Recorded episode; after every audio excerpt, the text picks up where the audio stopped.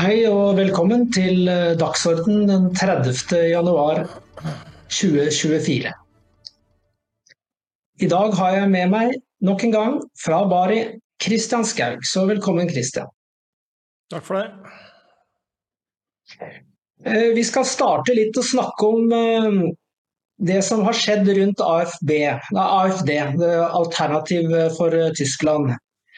Der var det jo store demonstrasjoner, og bakgrunnen var et møte som de hadde hatt eh, ja, lenge før. Det var jo i november eller desember de hadde dette møtet.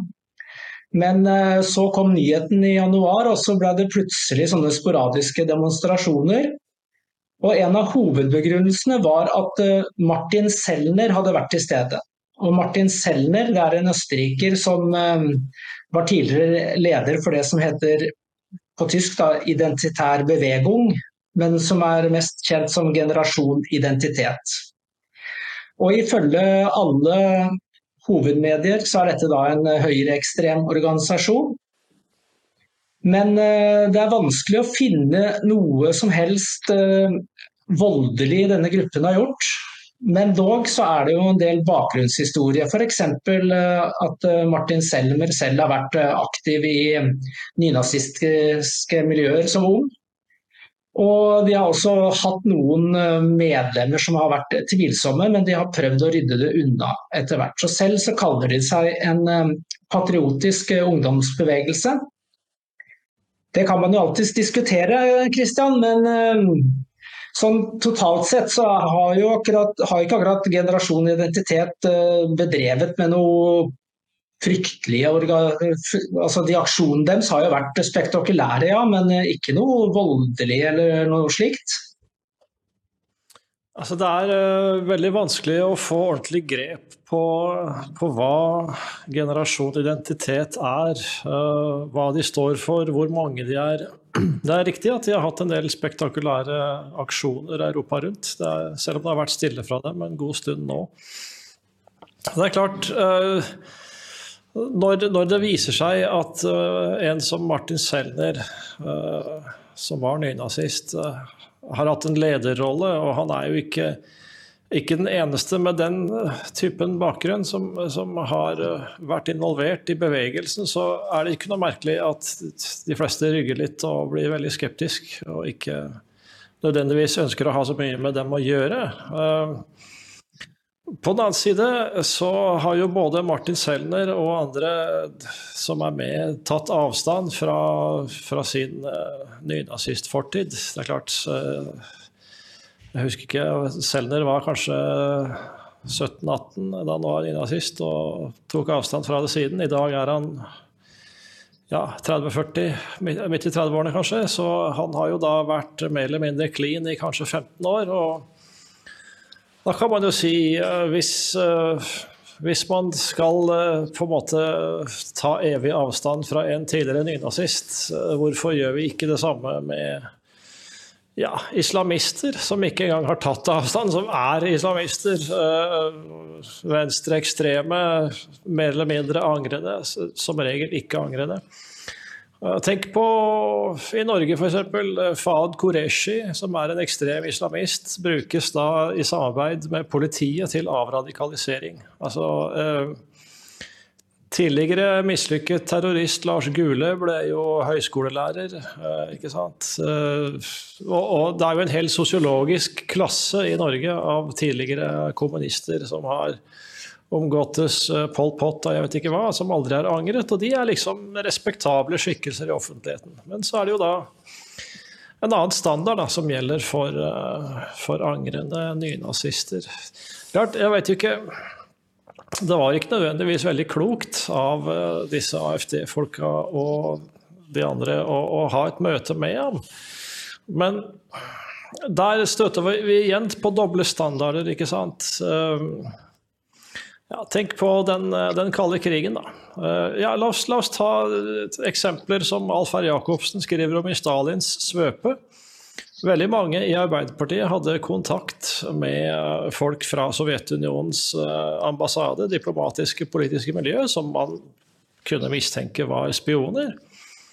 Og det var helt greit. Altså, selv om man da visste at dette her kunne være potensielle vervingsforsøk, og noen av dem ble jo faktisk vervet, så var ikke det noe som var uh, uglesett. Man, man, kunne ha kontakt med Sovjetunionen uten at det liksom var, uh, var helt sånn forbåten, da, som det har vært i dette tilfellet her. Men uh, vel så interessant som selve møtet er jo egentlig mediedekningen av dette på. Det er jo sånn med alt nå, vet du. Det er, faktaene er én ting. Og hvordan de blir presentert for offentligheten, er en annen. Han, eh, David Grass han er vel en dansk historiker som har skrevet en kommentar for dokument for noen dager siden, var 26. Han, han peker jo på dette her med at eh, dette, den såkalte forskningsgruppen Korrektiv, som er altså Soros-finansiert, og bare der så burde man jo steile ganske kraftig. De eh, har jo presentert et referat fra dette møtet som eh, AFD og Selner hadde hatt. Og ifølge han Grass da, så er det flere som deltok i møtet som eh, mener at den, dette referatet det er ren fri fantasi. Og Dessuten så er det timinga som er litt interessant, for den kom plutselig etter at traktorbøndene begynte å lage skikkelig bråk. Og eh, plutselig så blir dette her en nyhet, enda det er mange uker siden det faktisk har skjedd. Og Han eh, antyder da at det var kun for å få oppmerksomheten vekk fra disse bøndene som uh, gjør demonstrasjoner i Tyskland. Og dette her uh, høres jo veldig suspekt ut når man ser det på den måten. Ja, det, det, er suspekt, eh, og det er en god grunn til det. Altså, det Korrektiv, eh, jeg vet ikke helt hva vi skal sammenligne det med, men eh, jo, det vet jeg forresten.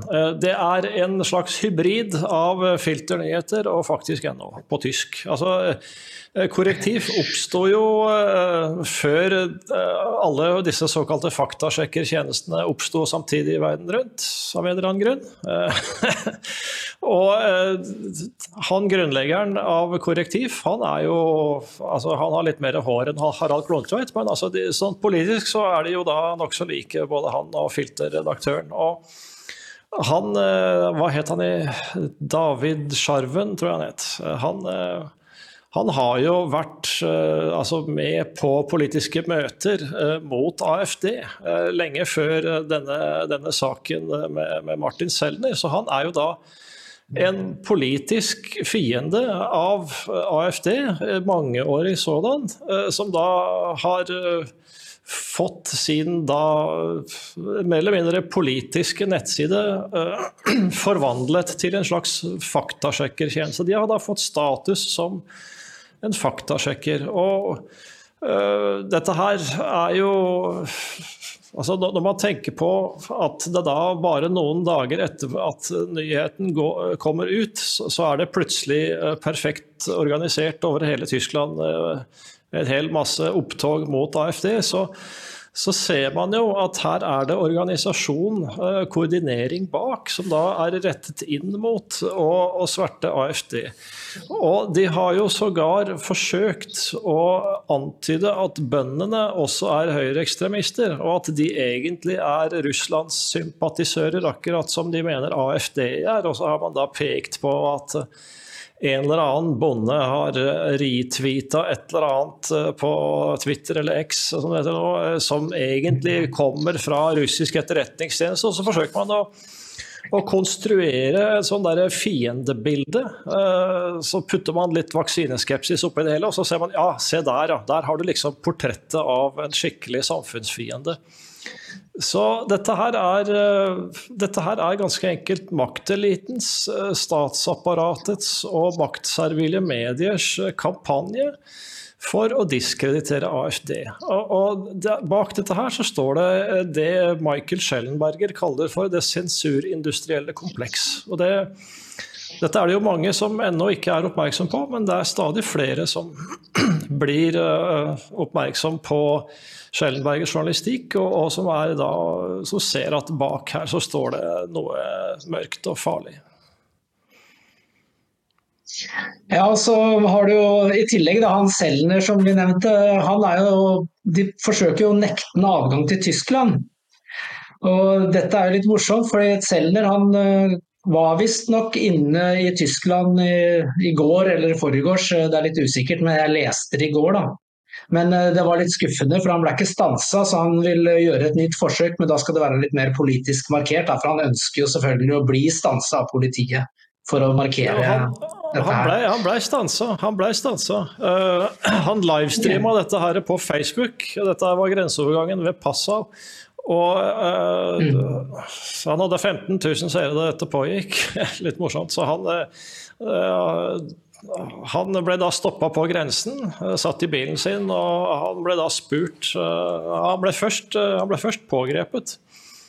Og så spurte politiet hva han hadde tenkt å gjøre i Tyskland. Og da, da sa han det at nei, jeg skal dra dit for å spise kake. Og så slapp de ham.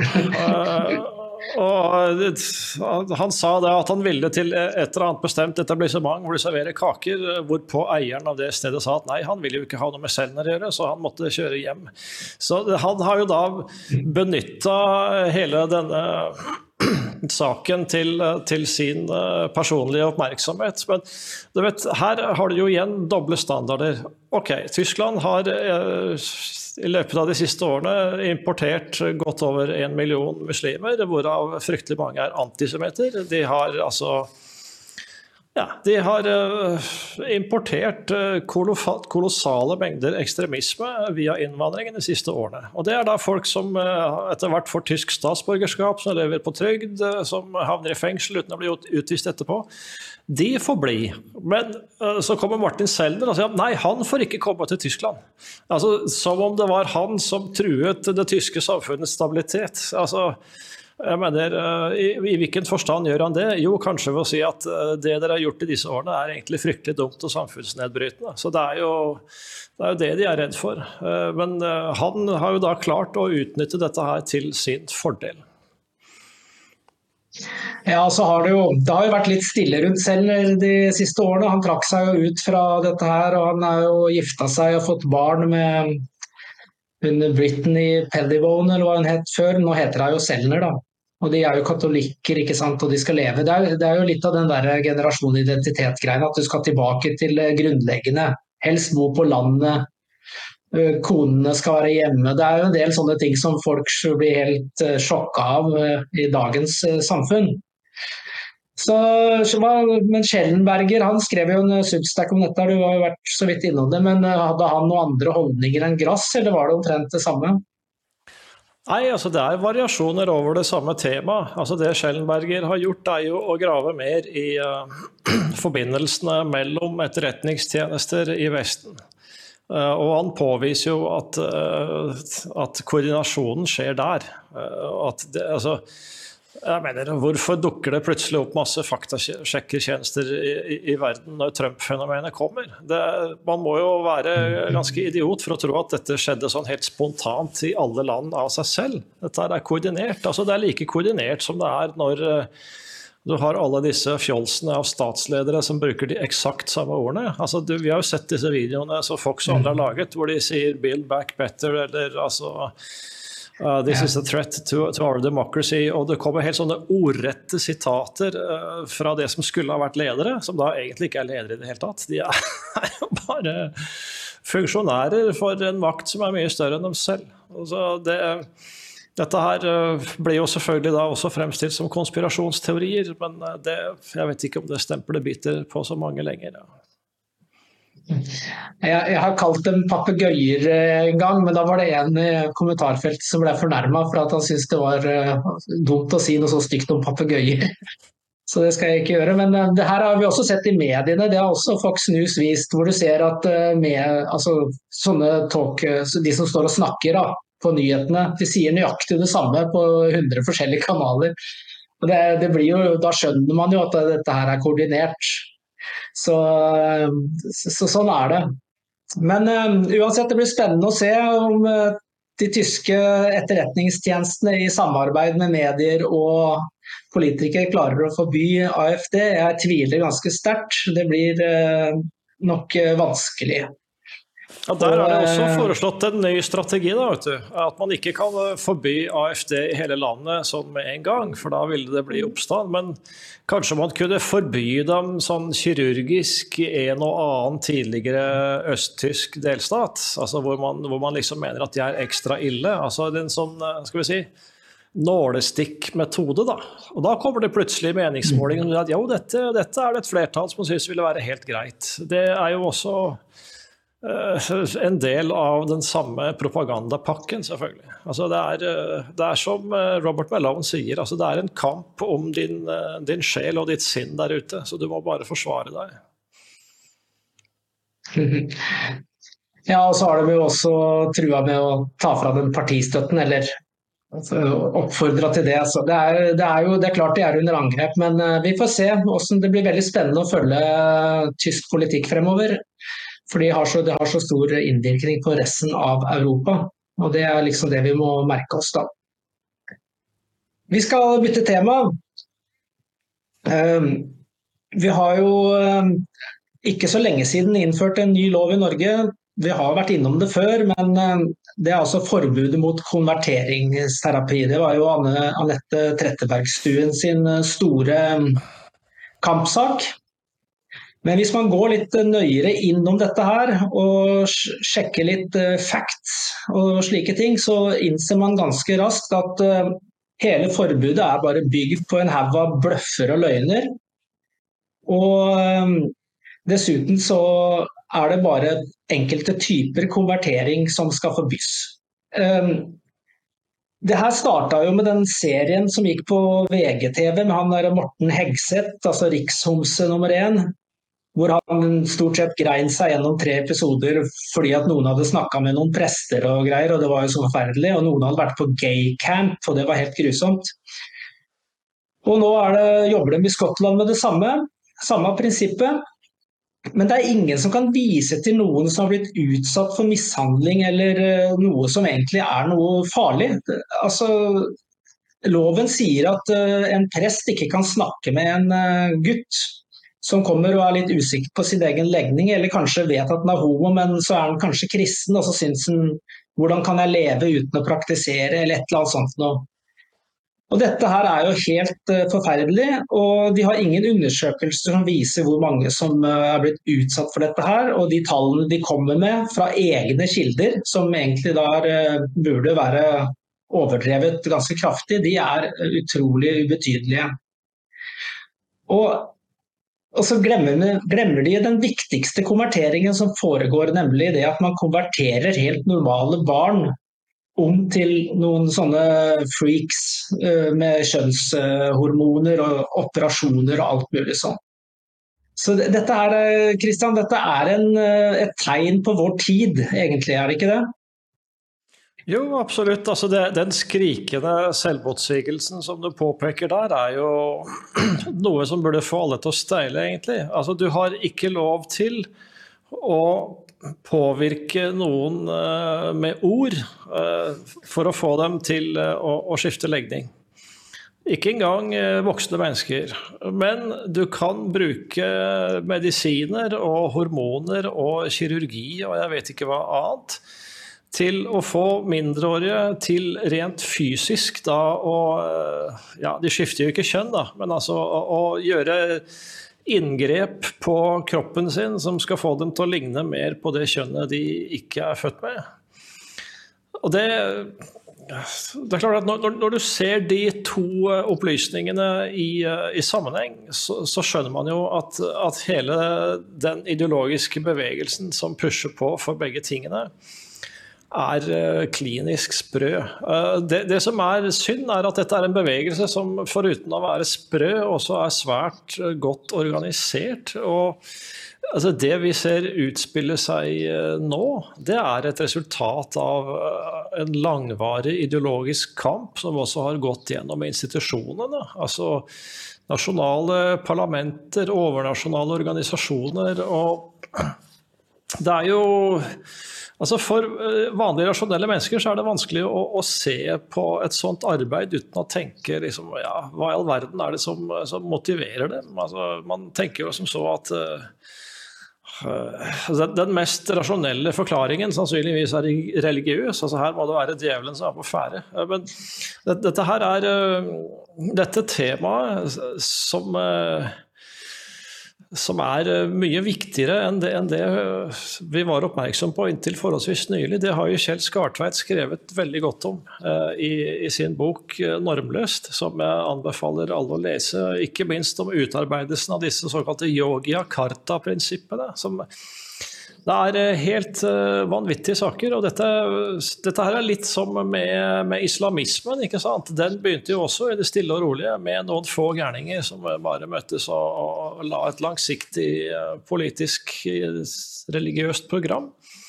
Og det, det, så det, det, vi ser utspille seg nå, det er, det er fruktene av et langvarig arbeid. Og Da forstår vi også at uh, hvis man skal eh, oppnå noe politisk, også det å bekjempe alt vanvidd som vi ser i verden, så er man også nødt til å være tålmodig. Starte i det små, og ikke gi opp håpet. Og bare forsøke å så de frø av, av sannhet og eh, normal mental helse som det er mulig å så. Ja, det, er jo, det, er jo, litt forskjellig hvordan eh, dette her Det som er helt sikkert, er at de fokuserer på barna, selvfølgelig. Fordi barn er lett påvirkelig, barn og ungdom, og spesielt er det jo da når man er i puberteten. Eh, jeg kan ikke huske så mye av puberteten, for jeg spilte stort sett bare fotball, men jeg har jo lest meg opp til å forstå at puberteten er en vanskelig periode for mange. Eh, og, og her er det to eh, områder som peker seg ut. Det ene er at de går på guttene, og da er det gjerne Det viser seg jo, undersøkelser viser jo det at det er kanskje 85-90 av de som er litt forvirra når det gjelder eget kjønn osv. Som eh, takler den De er ikke født i feil kropp, de er bare forvirra i puberteten. Og det innser de når de kommer seg gjennom puberteten, men en veldig stor andel av disse er da homofile. Det er eh, over 80% i alle fall. Så basically da, så er det et voldsomt angrep mot helt vanlige homofile mennesker, unge homofile mennesker. Og her, her ligger et homohat i bunn som vi nesten ikke har sett uh, maken til uh, fra norske, vanlige nordmenn sin side på mange tiår. Jeg har også sett foreldre som da sier ja, jo, nå er jo gutten min ikke homo lenger, for nå har han skifta kjønn til jente, så da er alt greit. Det er jo helt makabert. Det viser liksom at det ligger et homohat i, i, i bunnen her. Når det gjelder jentene, så er det helt annerledes, for der går det på den flokkmentaliteten som uh, jenter ofte er prega av i puberteten. Og der er det smitteeffekten. At hvis én sier at uh, 'jeg er egentlig en gutt', så plutselig er det ti til på samme skole som er der. Jeg vet ikke om du har tenkt noe over dette her, Kristian?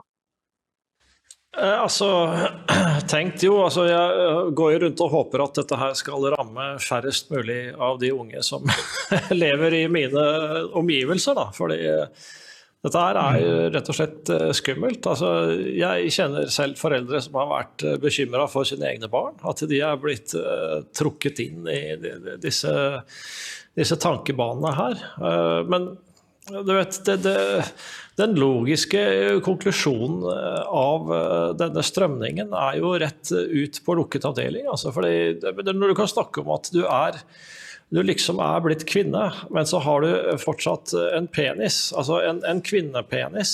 Altså, jeg mener, der, der, burde jo liksom alarmklokkene begynne å, å, å kime for, for, for, vanlige oppegående mennesker. Og du får til og med en splittelse i feministbevegelsen, der, der du da har hva er det de kalles, disse her trans-exclusive radical feminists, altså TERF, TERFs. Det er liksom nå blitt det, det, det, verste av det verste. Det er visst noen avskyelige feminister, da, hvis ikke de uh, aksepterer transer som kvinner. Mener, hvor mange kvinner er det som har lyst til å gå i, i garderoben og ha en uh, en mann med, med, penisen i behold som insisterer på at han er kvinne. Altså det, du må jo være syk på skallen bare for å tenke det der. Så hvis du er det, så hva kan du finne på i garderoben? Altså det, men dette skal man da ikke kunne sette riktig navn på. For hvis man gjør det, så blir man stempla som, som, transfobisk eller hva det er. og det det er jo nå et stempel som forbausende mange presumptivt oppegående mennesker har begynt å bruke. Så her Jeg regner jo med at denne galskapen også vil ta slutt en dag, men det, det blir jo ikke uten, uten, kamp og uten sårede, da. Det er helt sikkert. Det er faktisk verre enn det, Kristian. Du pekte på det med garderober og sånn. Men det er jo slik at hvis eh, du er en lesbisk kvinne og nekter å ha sex med en eh, person med penis, så er du transfob. Så ille har det blitt. Så det er jo liksom Ja. Det blir helt, eh, det blir helt, helt galt. Um, det var en ting jeg skulle si, så glemte jeg det i farta her, men eh, det er ikke så farlig. Vi, vi, må bare gjøre motstand mot dette her. Og jeg vil si at den beste måten det er å bare innse det at disse folkene de kommer til å snakke med barna dine på skolen. Så kom dem i forkjøpet og advar dem om hva som kommer. Og forklar dem at dette her eh, er eh, hva de må forberede seg på. Og Dessuten så er det også fullt mulig å gå til skolen og snakke med de og si at hvis dere skal ha noe sånn undervisning, så vil jeg fritas. Det har jeg gjort, f.eks. Dette er et generelt råd, Erling. Altså, det, det, det, det, å følge med på hva de lærer på skolen, det, gjelder mye mer enn bare ting som har med kjønn og seksualitet å gjøre. Altså, det, gjelder eh, langt utover det, vil jeg si. Altså, jeg overhørte jo en del timer i eh, samfunnsfag fra en av mine barn eh, under, under koronatiden, for jeg satt jo hjemme og jobba, og de hadde da sant, skole på hvert sitt rom med datamaskin. Og var, jeg hørte jo ting eh, fra lærernes munn som var helt rystende. Så, og da måtte jeg liksom eh, prøve sånn å ymte forsiktig frem ved neste felles måltid om at kanskje dette ikke nødvendigvis er helt sant. Altså, følg med på hva ungene holdt på med, altså. Vi skal la disse transfolka få være i fred, og så skal vi ta siste tema, som er eh, det som foregår nede i Midtøsten. Det jo, kommer vi jo stadig tilbake til av naturlige grunner. For et par dager siden så var det altså et eh, droneangrep nok en gang. Det har jo vært 100, nesten 160 droneangrep mot amerikanske soldater i Midtøsten. Og Biden har egentlig ikke reagert så voldsomt på dette her. Han har sendt noen uh, raketter tilbake osv. Men uh, nå eh, smalt det. For nå er det tre amerikanske soldater som ble drept. Alle tre er fra Georgia. De navnene ble offentliggjort i går. Og dette var på en base i Jordan. Og Jordan er jo en veldig spesiell situasjon her nede. For Jordan er jo på en måte litt sånn vestlig orientert fra ledelsens side, kong Abdullah f.eks.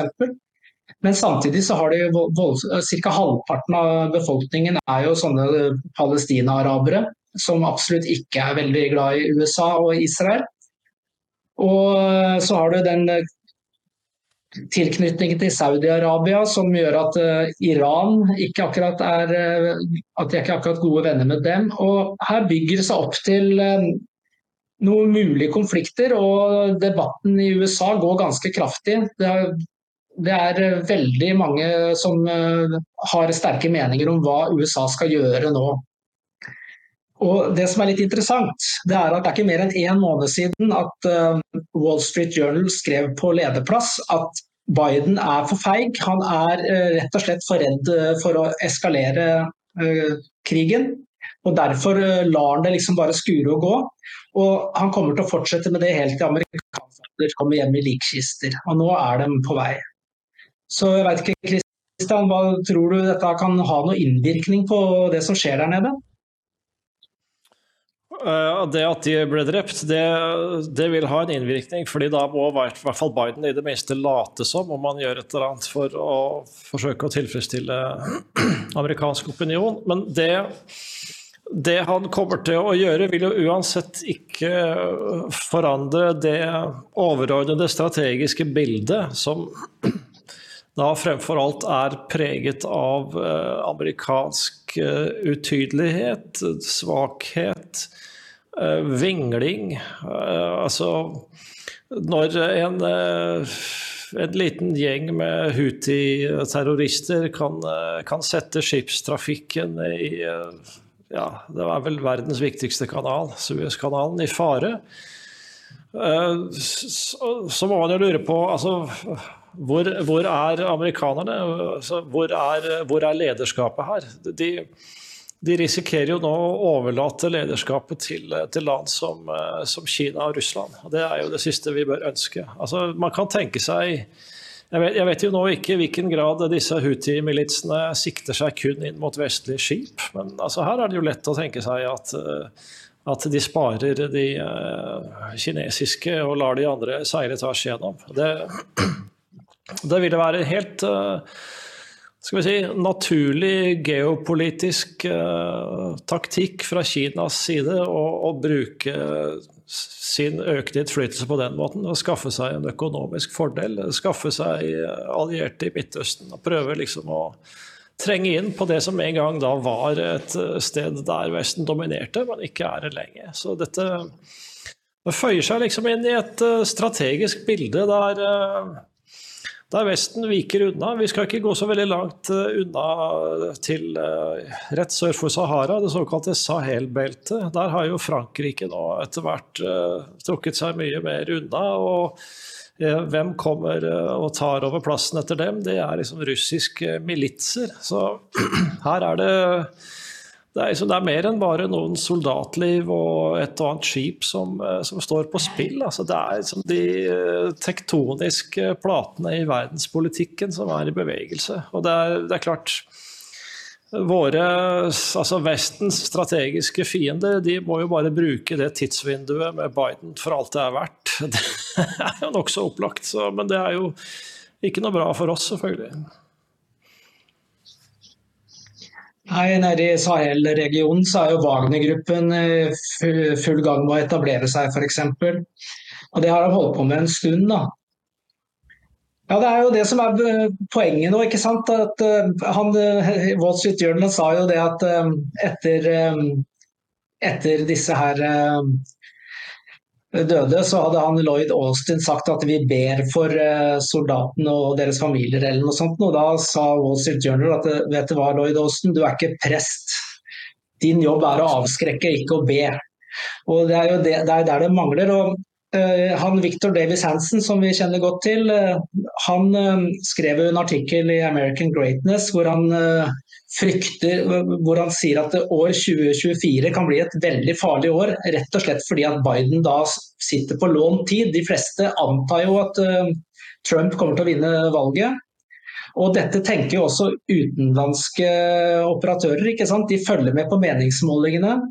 Og så tenker de ok, hvis vi har noen planer, noen som uh, litt sånn dirty planer, er det lurt å gjøre det nå mens Biden sitter der svekka i Det hvite huset, eller skal vi vente til Trump kommer? Og da er jo Konklusjonen til Victor Davis Hansen er jo ganske enkel. At situasjonen 2024 er livsfarlig, for, nettopp fordi at uh, dette har vi sett før. Han går helt tilbake til før borgerkrigen med James Buchanan, som jo var en nordstatsdemokrat, men som, som um, støtta altså sørstatene. Så han var jo helt Han satt jo bare stille og så alt som skjedde. Og når han eh, sa at han ikke skulle bli gjenvalgt, så uh, skjønte de at kanskje Lincoln kommer, og han frykta det.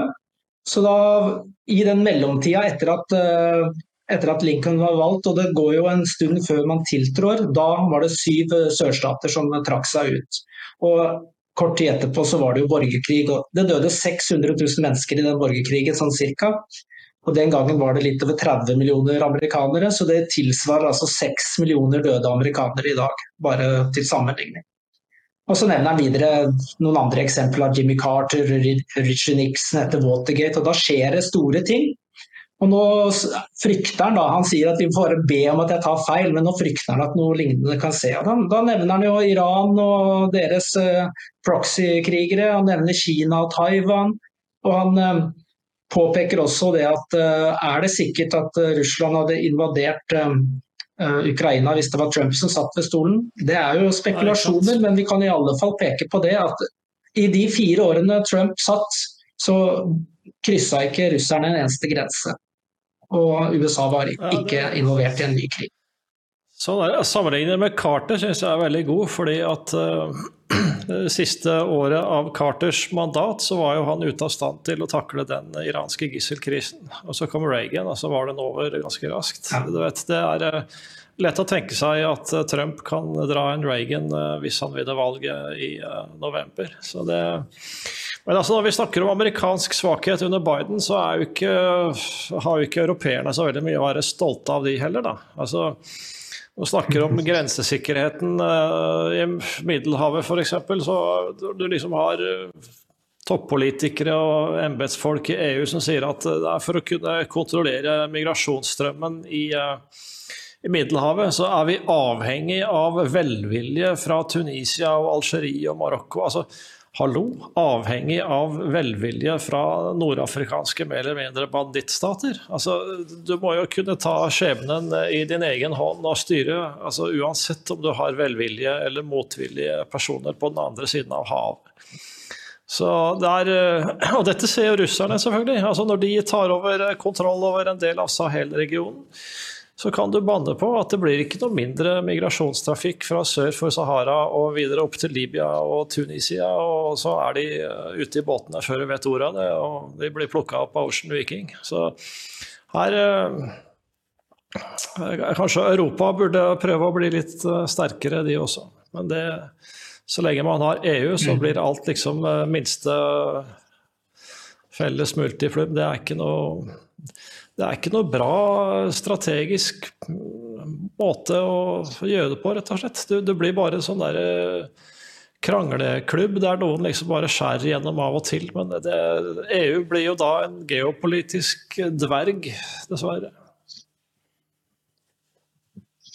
Ja, bare sånn Jeg kom til å tenke på det nå at uh, Italia har jo inngått uh, en avtale med Albania det er jo et lite museskritt, selvfølgelig, men den ikke, det skal vel opp i Senatet i Italia. men Det regner de fleste som en formalitet. Men det er godkjent av eh, høyeste domstol i Albania.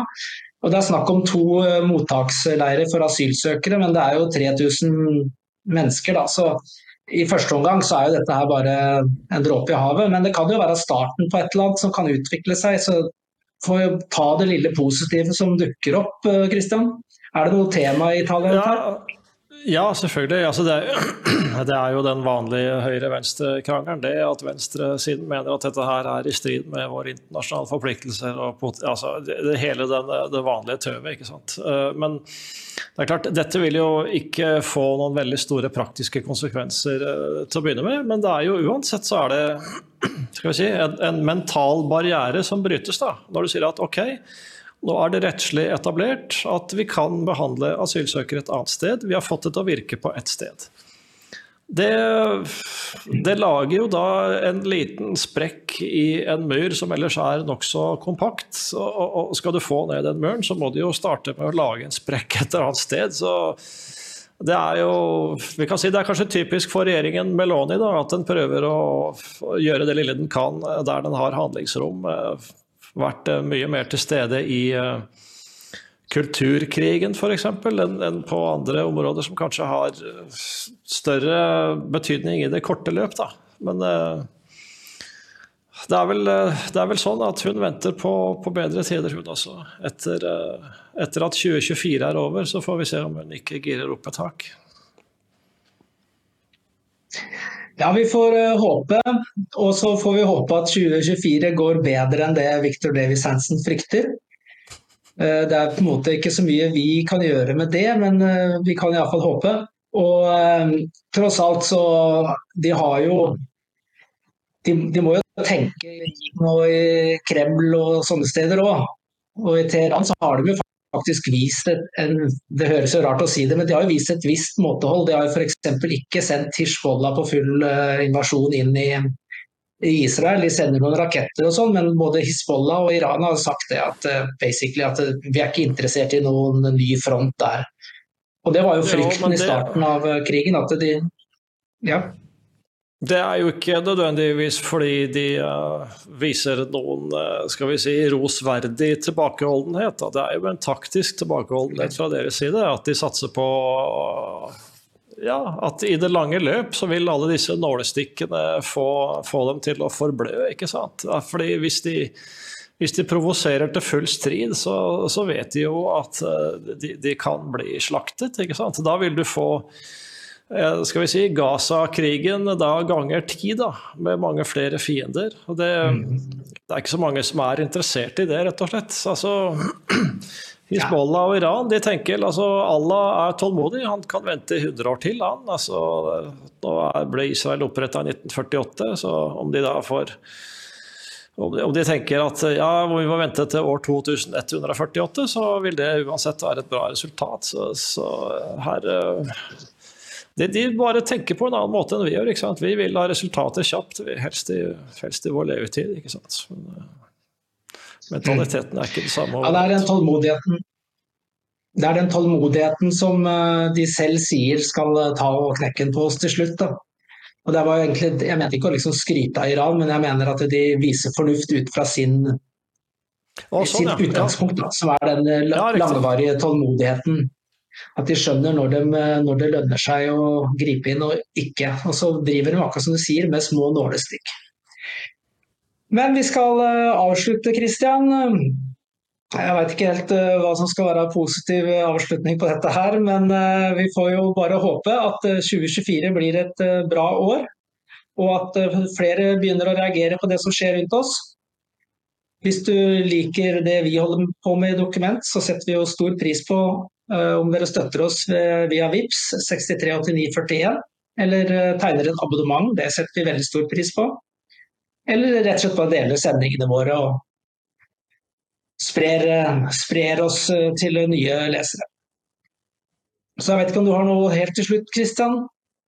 Jo, altså 2024 eh, er én ting, men eh, vi må, gjøre, vi må, lære av våre fiender. da. Altså Se mye lenger enn 2024. ikke sant? Tenk på at det skal bli en, en bedre morgendag for våre etterkommere. Tenk på barna. Ja, det er en fin avslutning. Så da vil jeg avslutte med å bare ønske alle seere og lyttere en riktig god kveld. Og så er det ny sending i morgen. Takk til teknikeren. Takk til Kristian. Takk for det.